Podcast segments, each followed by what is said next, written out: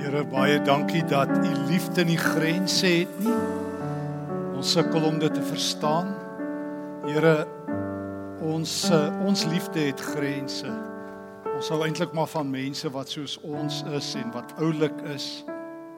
Dankie dat u anderster is. Dankie dat u meer hou van ons as ons van u.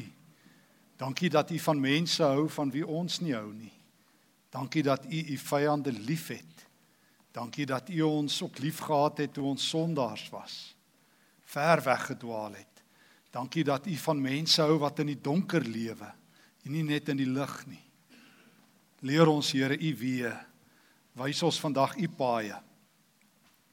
Ons wil graag vra Here dat U vandag dit ook deur die woord sal doen. Dankie dat U vir ons 'n Bybel gegee het. Dit is die Heilige Gees se wapen en se geneesmiddel. Wil jy dit volgend gebruik soos medisyne? Wil jy dit ook gebruik om om waar daar dinge in ons lewe is wat aangespreek moet word, dit aan te spreek en waar daar genesing nodig is, dat dit sagte salf sal wees vir ons wonde. Gee Here dat ons in hierdie oomblikke wat ons saam is rondom u woord dat dit regtig heilige oomblikke sal wees dat die gewig van hierdie heilige oomblikke ook uh, op ons skouers sal rus dat ons ook bewus sal wees Dis met die lewende Here se woord dat ons besig is. Hoor ons en word self verheerlik as ons dit bid in Jesus se mooi naam. Amen. Dit is so dat um, in hierdie tyd wat dan daar baie sport is in in in die wêreld dat mense weer opnuut besef hoe hoe hoe geweldig gewild dit is en miskien is die die beeld van sport vir ons bekend dat elke wedstryd of meeste wedstryde 'n middelpunt het uh mens noem dit halftyd. Halftyd is die tyd dat jy uh, van die veld af gaan en dan so vir 'n kort oomblik die wedstrydplan in heroorweging neem. As jy goed gedoen het, dan moet jy sekerlik daarop voortbou en as dit nie goed was nie, moet mense 'n nuwe wedstrydplan hê vir uh die lewe na halftyd, die wedstryd na halftyd. Ek onthou ek het jare gelede as 'n jong ouetjie 'n boek gelees wat uh in my lewe groot invloed gehad het. Miskien het jy dit ook gelees van Bob Buford wat hy genoem het Halftime. Hy het trouens 'n paar boeke met die tema geskryf waar hy sê dat dat die lewe ook hierdie twee helftes het. Uh en hy sê die eerste helfte voor halftyd. Hy sê wanneer alle mense uitdraf om in die lewe te speel, dan is die eerste helfte van hulle lewe kan mense in een woord saamvat: sukses. Dis waarvoor alle mense eintlik speel sukses. En dit lyk vir my dit is met ons almal die geval. Ek het agtergekom nie eers ons godsdiens verander enigiets daaraan nie. Trouwens, uh mense dink maar net jy moet godsdiens suksesvol wees. Maar ons taal, ons gebruike, ons leefstyl, alles draai om sukses. Kyk maar net die uitdrukkings wat ons gebruik. Hy het dit gemaak. Ehm um, sy het dit ver gebring. Hulle het 'n groot pos. Hulle het iets bereik. Dis alles die taal van sukses. Mense suksesvol as jy die kunswedstryd wen, die balkies het, die toppos kry. Jy evalueer jou lewe in die eerste helfte van jou lewe aan sukses. Die van julle wat al by 'n reunie was van jou matriekklas of die universiteit of wat ook al sal dit weet, wanneer mense daar wegloop is die gesprek gewoonlik hy het dit toe nie gemaak nie. Op skool was sy die groot vlam, maar sy het uitgebrand. Of soos um, toe ek onlangs by 'n reunie was, het iemand opgemerk, al die meisies het agter jou aangeloop en nou het hy 'n boepmagie. En um, jy word gemeet aan sukses, min of meer 'n sukses uiterlik, soos ek altyd sê wat jy ry en wat jy bly en wat jy kry, dit is gewoonlik die merkers van sukses. En weer 'n keer, godsdiens verander dit nie. Trouwens, vir meeste mense moet as jy nou glo, moet God dit maar net vir jou gee. Nie gelowiges werk self daarvoor en Christene wat dit kry sê alles genade, soos die jong mense sal sê #blessed. Dit is dan is jy nou 'n geseënde. Maar vir die res is sukses waaroor die lewe gaan. Wat Beaufort sê dat die lewe moet meer as dit hê, sê hy as 'n Christen sakeman skrywer. En dat meeste mense noem hy word uiteindelik vasgevang in halftyd. Hulle gaan in die kleedkamer in en hulle het geen spelpatroon vir die volgende fase van hulle lewe nie. Hy praat in sy boeke van stuck in halftime. Hulle kan net nie uit die kleedkamer kom met 'n beter wedstrydplan nie. Meeste mense op aarde kom dit oor want 90% indien nie 99,100% mense nie se lewe word eintlik aan sukses gemeet. Jy glo of jy nie glo nie word jy gemeet aan hoe suksesvol jy is. Vanaf die internet tot op jou CV tot by die reunie tot by jou werk tot in Suid-Afrika. Maak nie saak waar jy is nie bepaal sukses jou identiteit. Jesus kies om te verskil. En die vraag is wie se opinie gaan ons volgende vat? Die wêreldsinne of Jesus en hy wil ek wil graag saam met jou stil staan by twee stories uit die Lukas Evangelie twee verhale waar Jesus in ons taal van vanoggend kyk na lewe voor halftyd en lewe na halftyd. En ons staan stil by Lukas 12 vers 13 en uh vanaf vers 13 in ons eerste verhaal. Dis 'n aangrypende verhaal. 'n Man 'n man kom vra vir Jesus om gou so 'n bietjie hulle erfporsie uit te sorteer. Dit is hom snaaks, né, wat mense van Jesus dink. Mense dink hy is so alles vir almal. Nou die dag toe ek ergens kouse koop, toe staan daar so op die pakkie, one size fits all. Mense dink Jesus is ook so.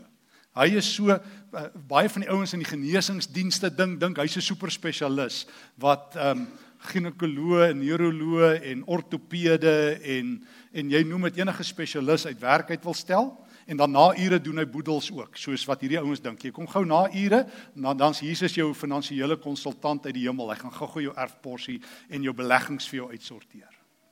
En Jesus sê, "Wat dink julle van my? Jesus is kwaad. Hy is nie alles vir almal nie. Jesus is nie 'n een-stop religieuse diens nie. Hy is nie 'n religieuse diensverskaffer en jy kan maar kom. Dis nie waar dat die kerk sê Jesus is die antwoord op alle vrae nie. Hy is nie die antwoord op alle vrae nie. Hy is verseker nie. Hy is nie die antwoord op hierdie ouens se vraag nie. Hoor nou. Iemand uit die gemeente sê toe vir Jesus: "Rabbi, sien die vertaling sê meneer, dis was nie meneer nie, dit was rabbi. Sê vir my broer, hy moet die erfenis met my deel." En Jesus is onmiddellik ontstel en hy sê vir hom: "Man, wie het my as regter oor julle aangestel? Wat dink jy van my? Wat verwag jy van my? Dink julle ek moet op afspraak gou alles doen wat julle wil hê?" Julle sogenaamde behoefte aangedrewe lewe, wants and needs driven lewe, julle suksesvolle lewe. Nou gaan dit alweer oor geld en nou moet die Here net gou my geld vir my uitsorteer. Want kyk, jou geld is om uitgesorteer as die Here dit nou uitgesorteer. So dink hy. Wie het my as regter of deler vir hulle vir julle aangestel? Toe sê hy vir hulle: "Pas op en wees op julle hoede, wees versigtig vir elke vorm van gierigheid. Oppas vir 'n sukses aangedrewe lewe, want vir meeste mense is sukses meetbaar in terme van meetbare dinge wat jy kry en wat jy ry en waar jy bly.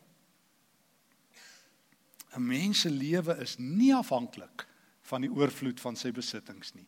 Dis die Here wat dit sê. Lynreg teen die wêreld. 'n Mens se lewe is nie afhanklik van die oorvloed van sy besittings nie. Almal kies om van Jesus te verskil. Kerkmense ook. Al sit ons in die kerk en sê my alles op die altaar, kies ons om te verskil as jy na ons almal se leefstyl kyk, ek en Kluis. Uh kies ons om te verskil van Jesus. Toe vertel hy vir hulle 'n storie.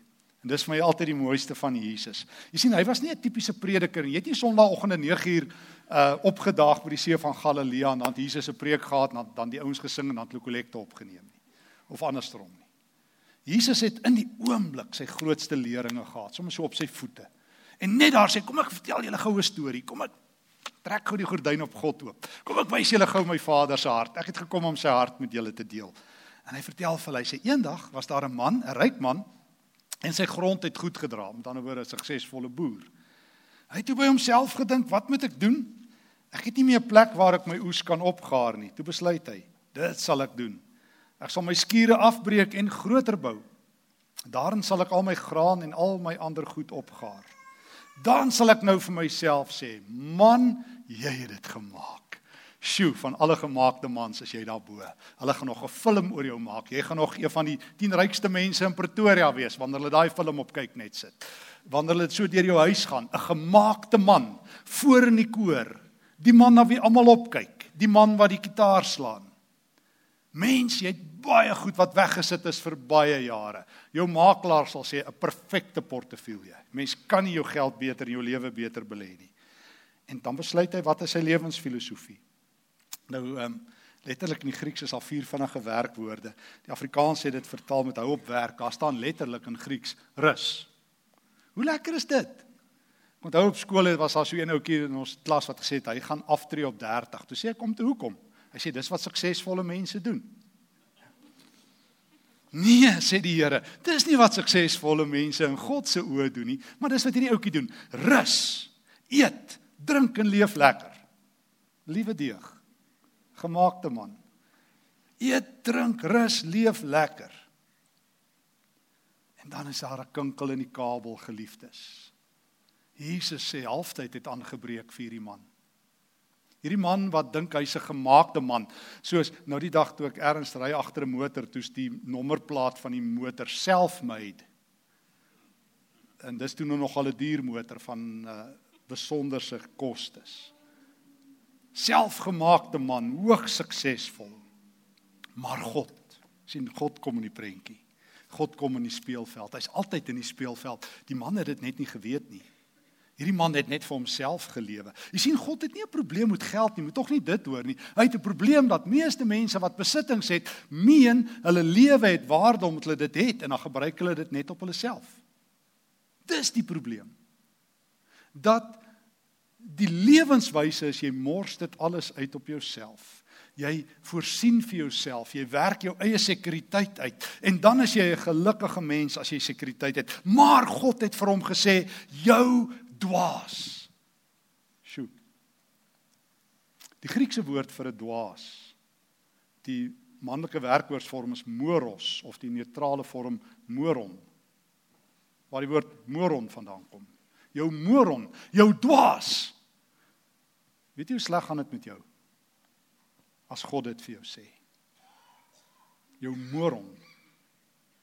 Jou imbesiel wanneer God jou in sy weegskaal sit en die hele wêreld jou op die hande dra en televisieprogramme oor jou gemaak word en jy in finansies en tegniek en op elke finansiële program die kenner is en God sê jou dwaas stak in halftime jou dwaas jou moron wat het jy met jou lewe gedoen rus eet drink leef lekker is dit die lewe is dit die lewe waarvoor God jou geroep het is dit al Is dit sukses? God kies om te verskil. Jou dwaas. Jou dwaas. Ook hoor baie mense, dis nogal 'n gewilde ding in Pretoria om te sê die Here het met jou gepraat. Die week het twee mense weer vir my laat weet God het dit en dat gesê. Maar ek het nog nooit iemand gehoor wat vir my gesê het God het vir hulle gesê jou dwaas nie, terwyl God dit eintlik nogal baie sê. God sê altyd net vir mense wat hulle wil hoor. Het jy dit ook al agtergekom? God stem altyd met hulle saam. Dis my die snaakste is mense met God as mense vir my sê God het hulle gepraat, dan vra ek altyd vir hulle, het God van julle verskil? Dan kyk hulle my aan asof ek vreemd is. Want God stem altyd met mense saam. Dan sê ek dis eintlik maar net wat jy wou hoor. Maar wanneer God in die huis is, dan sê hy vir jou, ek is diep bekommerd dat jy dalk 'n dwaas is. Dat jy dalk vasgevang is in halftyd. Jou dwaas.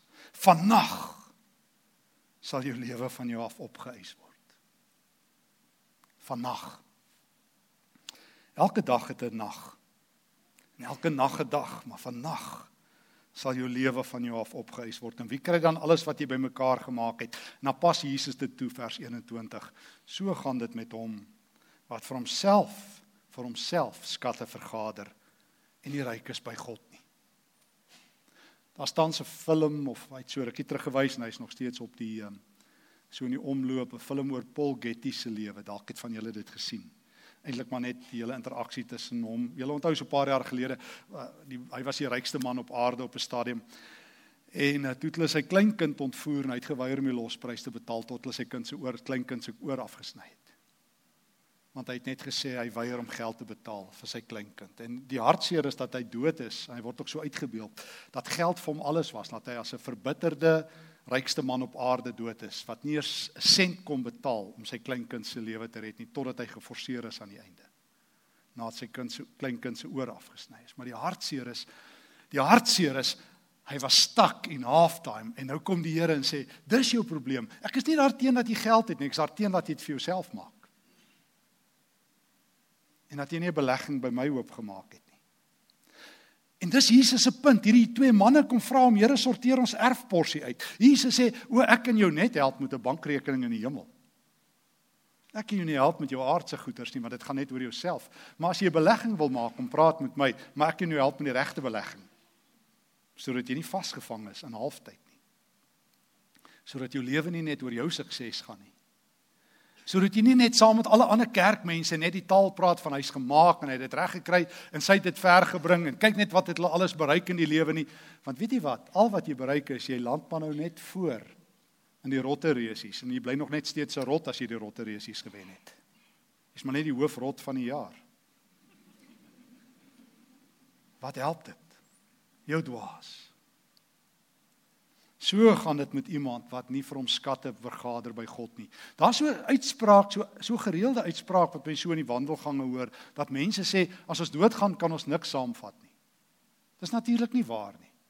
Dis natuurlik die grootste onwaarheid ooit. O, verseker kan jy iets saamvat. Jesus sê jy moet iets saamvat. Jy moet 'n hemelse skat saamvat as jy gaan. Jy kan nie met 'n leë bankrekening by God opdaag, 'n hemelse bankrekening nie. Jy moet op aarde 'n bankrekening hê by God waar onthou jy die bergrede mot en roes nie um, is nie en diewe nie is nie. Jy moet 'n rekening by God oopmaak waar jy goed en wys belê sodat jy ewige dividende kan trek want by God groei 'n belegging ewigvoudig. Daar's nie inflasie nie. Daar is nie um, ouens wat hulle hand in die til kan sit nie. Daar's nie diewe nie. Jou dwaas. Halftyd. Maar daar's 'n tweede storie, Lukas 19. Een van my gunsteling stories en skuis as ek baie keer by dit stil staan, maar Lukas 19 vers 1 tot 10. Daar's 'n tweede storie. Um Beaufort sê, Bob Beaufort sê mense kan uit halftyd uitkom. Hy noem die tweede fase. Hy sê die enigste mense sê hy wat hulle lewens goed leef is mense wat na halftyd uit die kleedkamer kom by wyse van spreuke. En nie meer wat hy noem vasgevang is, stuck in halftime is nie, maar wat dit reg kry om wat hy noem te skuif vanaf sukses na wat hy in Engels noem significance. Ek dink daar's 'n derde S and service praat altyd van 'n SSS lewe, sukses to significance to service. Van sukses na ehm um, indruk maak, impak maak met jou lewe na diensbaarheid. En Jesus ehm um, is op geen daar's amper vir my geen mooier voorbeeld as die verhaal van van Saggeus in Jerigo nie. Jesus is op pad na sy eie afspraak met die kruis en hy's in Lukas 19 vers 1 in Jerigo op pad deur die stad en daar's 'n man met die naam Saggeus, 'n hooftollenaar. Nou nou vriende, kom ons sê dit vir mekaar wat dit is. Saggeus is die maffia baas van die dorp. Dis wat 'n hooftollenaar is. Hy's die hoof van die maffia. Uh, in Grieks word hy 'n argitelones genoem. Nou ons weet in die Romeinse stelsel, Rome het geregeer oor die wêreld in die eerste eeu en het belasting van hulle provinsies ingesamel. En hulle het nie dit self ingevorder nie, hulle het dit verkoop. Die reg om belasting in te samel. Dis soos ek is nie seker wat die Afrikaanse woord is nie, maar dit is soos 'n franchise. So Rome sê hulle wil X bedrag hê elke jaar. Ons weet presies in Judea en Galilea was die belastingheffing in die eerste eeu 600 talente per jaar. En dan koop die hooftollenaars dit by die Romeine. Hulle sit die geld vooruit neer. En dan herverkoop hulle dit aan gewone tollenaars. Saggeus is 'n hooftollenaar, multimiljonêr, 'n biljoenêr in ons taal, miljardêr. En as geen enkele oomblik twyfel as ou bietjie gaan lees hoe lyk tollenaars, dat dit maffia is nie. Saggeus se van was Gupta. So jy het met Saggeus Gupta te doen. En Saggeus is die man, julle ken die julle ken die maffia stories. Dis die man wie se ringe se ringvinger jy moet soen voordat jy besigheid kry. As jy in Jerigo kom by die tolplekke, jy sit nie vir jou 'n besigheid op nie. Jy verkoop nie water nie want dis woestyn sonder dat jy by Saggeus was of by sy ehm um, leiwagte was of sy adjudante was nie. Daar was baie vlak grafte in Jerigo waarskynlik wat Saggeus voor verantwoordelik was. Jy kruis nie paaie met die hoof van die maffia uh, en jy gaan hom te en jy leef nie. Dis die hoof maffia baas. En so by so haat die godsdienstige tollenaars. Ons ken die die baie stories dat hulle onredbaar is. Daar's Joodse tekste so baie wat vir ons vertel tollenaars kan nie gered word nie. Selfs God kan hulle nie afskryf nie. Selfs God kan nie eers in sy boekhouding hulle sommetjies uitvee nie. Hulle is net 'n sondig. Nou moet jy weet hoeveel sondes het die hoof van die maffia in Jerigo die moeilike oom. Niemand sukkel met hom nie. En toe is Jesus in Jerigo en Saggeus is vasgevang in halftyd. Maar God dank, daar gebeur iets. Hoor saam met my. Hy uh, vers 2. Hy het geprobeer om Jesus te sien, maar vanweer die skare kon hy nie omdat hy te kort was. Hy hardloop toe vooruit en klim in 'n wilde vyeboom, 'n sycamore tree. Die Griekse woord is dieselfde ook vir 'n sycamore tree, wilde vyeboom, om Jesus te kan sien, want hy sou daar verbygaan die groot man wat alles het. Die wies wie op die geldkalender van Judea het nodig om God te sien want hy weet en dan kan hy net God sien verbygaan. Dis soos daai daai man wat amper in die kruis in Lukas 23 vra Here net 'n gedagte. Saggeus dink as ek net een keer die Messias kan sien verbygaan op sy pad. Maar ek kan nie tussen die godsdienstiges wees nie en, en ek klim net daar in die boom en dan die mooiste ooit vers 5. Jesus toe hy by die plek kom kyk hy op. As dit tog daarom net iets simbolies staan, fisies kyk hy op, maar is dit nie aangrypend nie? Saggeus, die hoofsondaar, die mafiabaas in die boom en die seun van God wat rem onder die boom. Hy kyk op en hy sê vir hom Saggeus, kom gou af. Ek moet vandag by jou tuis gaan. As ons tyd gehad het, kon ek al die ek moet uitsprake in Lukas gelees het. Dis 'n tipiese Lukas ding. Ek moet. Jesus moet. Hy's onderdringende opdrag van die hemel. Hy is op 'n sending, op 'n mission impossible om die wêreld te verander. En een van sy missies is om te stop onder die boom van iemand wat vasgevang is in 'n halftyd en hy sê vandag, wat wat het God gesê in Lukas 12 van die ander man? Vannag Vandag is te laat. Vandag is te laat. Vandag moet ek by jou tuis gaan. Jou lewe moet betekenis hê, Saggeus. Vandag moet ek by jou tuis gaan in jou huis. Nee, Jesus het nie 'n plan, 'n agenda, 'n 'n blou druk nie. Hy's nie soos ons in die kerk, ons het planne met mekaar nie.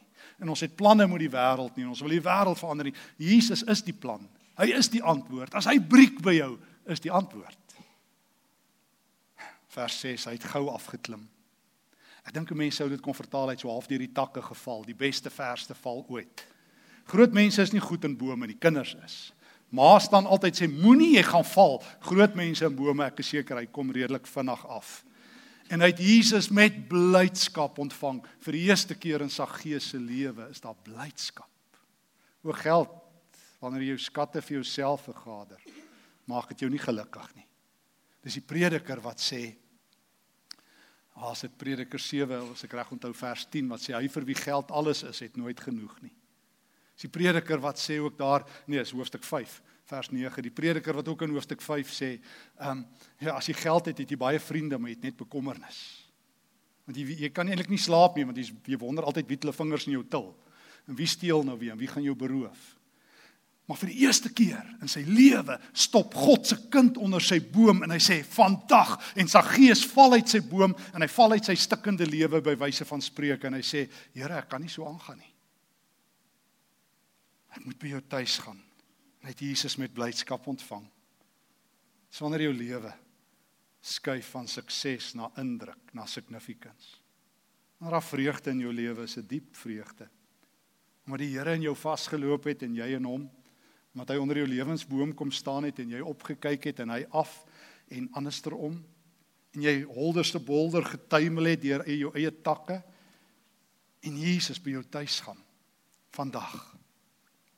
Almal vers 7 wat dit gesien het het beswaar gemaak. O die godsdienstige kommissies van ondersoek is klaar opgestel Synodes het met skok kennis geneem en kerkleiers het gegril dat sonde en heiligheid so dat dat hy nie reg gesien is en uitgesorteer is en sleg gesê is en vasgevat is en die hemel weerlig op hom gegooi het nie. Toe gaan bly Jesus by hom. Hy moes aangespreek gewees het. Dominee, jy kan nie die sondaars net so toelaat nie. Wat doen julle mense aan al die sondaars? Soos iemand nou die dag vir my vra. Julle kan nie net laat die sonde so toeneem nie. onthou altyd die storie wat um, dink ek het dit nou eendag vertel wat Irwin McManus vir my vertel het, Amerikaanse kerkleier wat so radikale ou is wat kerk hou in 'n onder andere in 'n nagklub daar in in Los Angeles.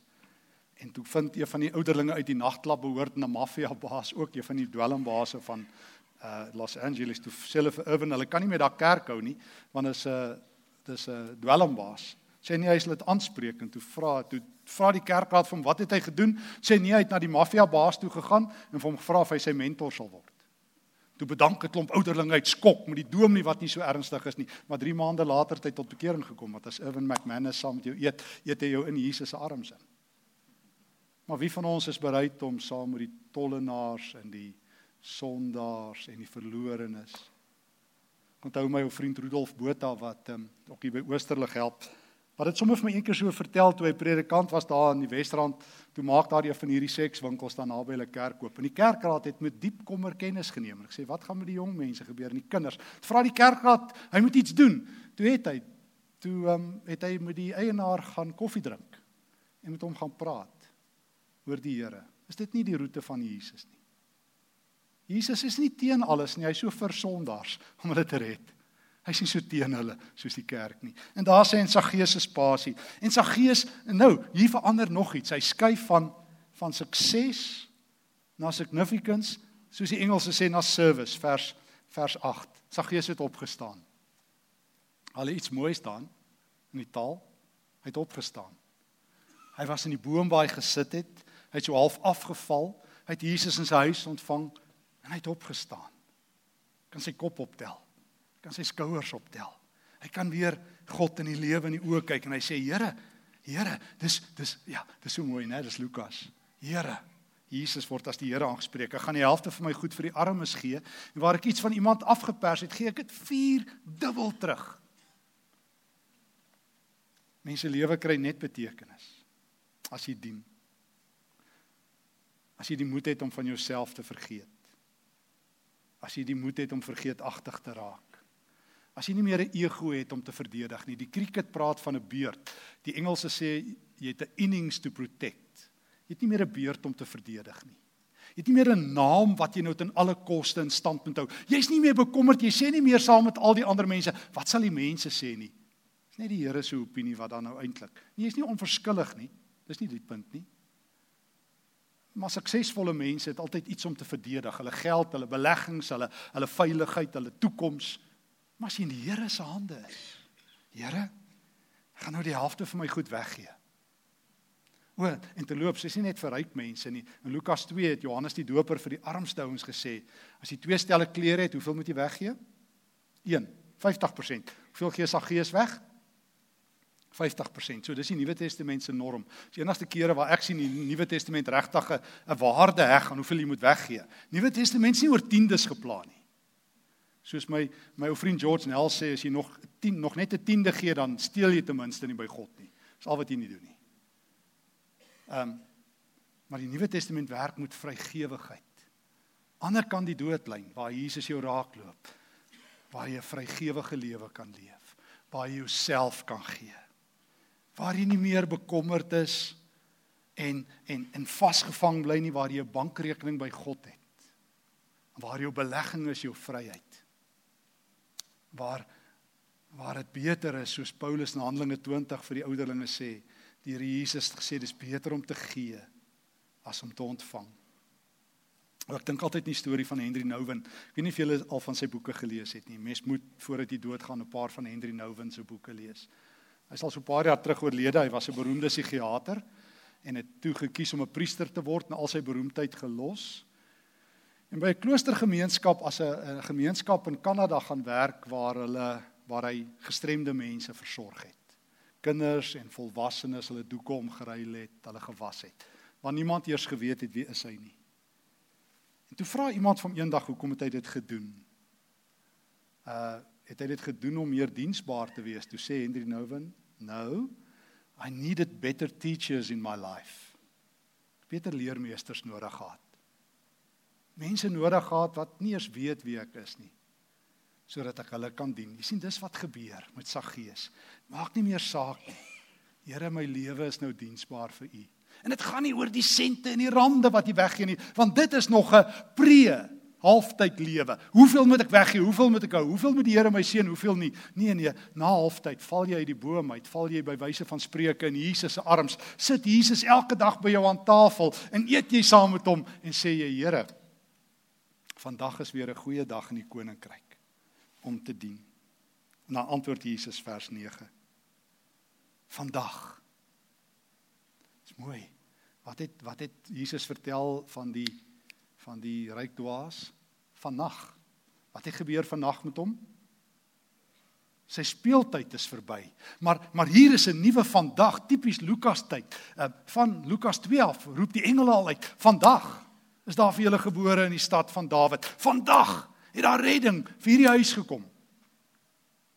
Soos wat Jesus aan die kruis uitroep, vandag sal jy saam met my in die paradys wees in Lukas 23. Vandag het daar redding vir die huis gekom. Vandag het die spelpatroon verander. Vandag is halftyd deurbreek. Vandag het iemand se lewe geskuif na indruk in die koninkryk van God, na diensbaarheid. Vandag is iemand gebore wat weer vreugde ken en vrygewig kan lewe. Ook hierdie man is 'n kind van Abraham. Die seun van die mens het immers gekom om te soek en te red. Te soek en te red die wat verlore is. Die seun van die mens, die Here en die seun van die mens, die groot soeker, die groot brieker onder bome sodat mense wat vasgevang is in halftyd 'n lewe na halftyd kan hê. Ek weet nie waar jy met jou lewe nie. Feit is of jy glo en of jy nie glo nie. Dis net so dan is ons almal in 'n halftyd lewe. Dan is ons ook eintlik maar saam met die ryk dwaas besig om om skatte op verkeerde plekke te vergader, om stres op te bou, om ons lewe te mors. Erns roep God uit, jou dwaas. Moenie laat daar 'n slegte vannag aanbreek nie. Moenie dat die donkerte jou inhaal nie, want God kan jou nie help as jy nie 'n bankrekening by hom oopgemaak het en vannag breek aan nie. Hy kan jou help met 'n beter belegging. Hy doen dit. As hy in Jerigo kom en by die maffia baas stop, hy doen dit. By wyse van spreuke as hy onder jou boom staan. Klim gou af. Klim gou af. Ek moet vandag by jou kom kuier. Ek moet by jou kom kuier. Nie jou reg sien, regruk, uitsorteer en jou lewe verander nie. Ek moet gou by jou kom kuier. Net dit. O, jy sal weet as Jesus by jou kom kuier. En jy sal weet as Jesus sê vandag het daar redding gekom. Ook hierdie man is 'n kind van van Abraham, van die seun van die mens. Soek en red. Die seun van die mens verander 'n wedstrydpatroon. Die seun van die mens kry jou uit die kleedkamer uit en laat jou op 'n nuwe patroon speel, die patroon van vryheid en vreugde en vrygewigheid. Vryheid en vreugde en vrygewigheid. Sukses gaan jou nêrens bring nie. Significance gaan jou vingerafdrukke laat grondvat. Diensbaarheid gaan die hemel en die aarde laat kennis neem van jou. Mag jy vandag die Here se woord hoor wat sê vandag het daar redding gekom ook vir jou. Amen. Dankie Here vir die woord. Dankie vir die feit dat ons onsself kan spieël en kan weeg. Here, ek dink ek verdien baie meer kere dat U vir my sê jou dwaas. Ek belê soveel keer verkeerd. Ek sit my hoop op dinge wat nie kan hou nie. Ek bekommer my en verknies my en verheug my in dinge wat tydelik is. Vergewe my as my my lewensroete ook die is van van die ryk dwaas van rus, eet, drink en leef lekker. Leer my Here om 'n nuwe lewensroete saam met Saggees aan te durf. Die roete van Here, ek is vry. Ek kan gee en ek kan bly wees. Ek kan sorgvry leef want U het onder my lewensboom kom staan. Here kom eet vandag by my asseblief. En as dit donker word vanaand, moenie weggaan nie. Bly by my, ek het 'n kamer vir U in my hart. Ek het spasie vir U in my lewe. En as dit te min is, Here, maak dit meer. Ek het regtig plek dat U sal bly. En Here, wees so goed vir my dat daar vir my 'n rekening sal wees wat deur u bloed gekoop is daar by u. Pas dit op, Here, want ek is op pad na u toe. Een van die dae kom ek daar by u intrek. Maar dankie dat u hier op aarde nou by my intrek. En dankie dat ek nie nutteloos is. Dankie dat ek nie net 'n nommer is op 'n kontrak of eers in die wêreld sommer maar net 'n asempie is nie. Dankie dat u vandag onder my lewensboom kom staan. Dankie dat ek ook die woorde kan hoor. Vandag het daar redding weer opnuut gekom. Prys u heilige naam dat u kom kuier het. Amen.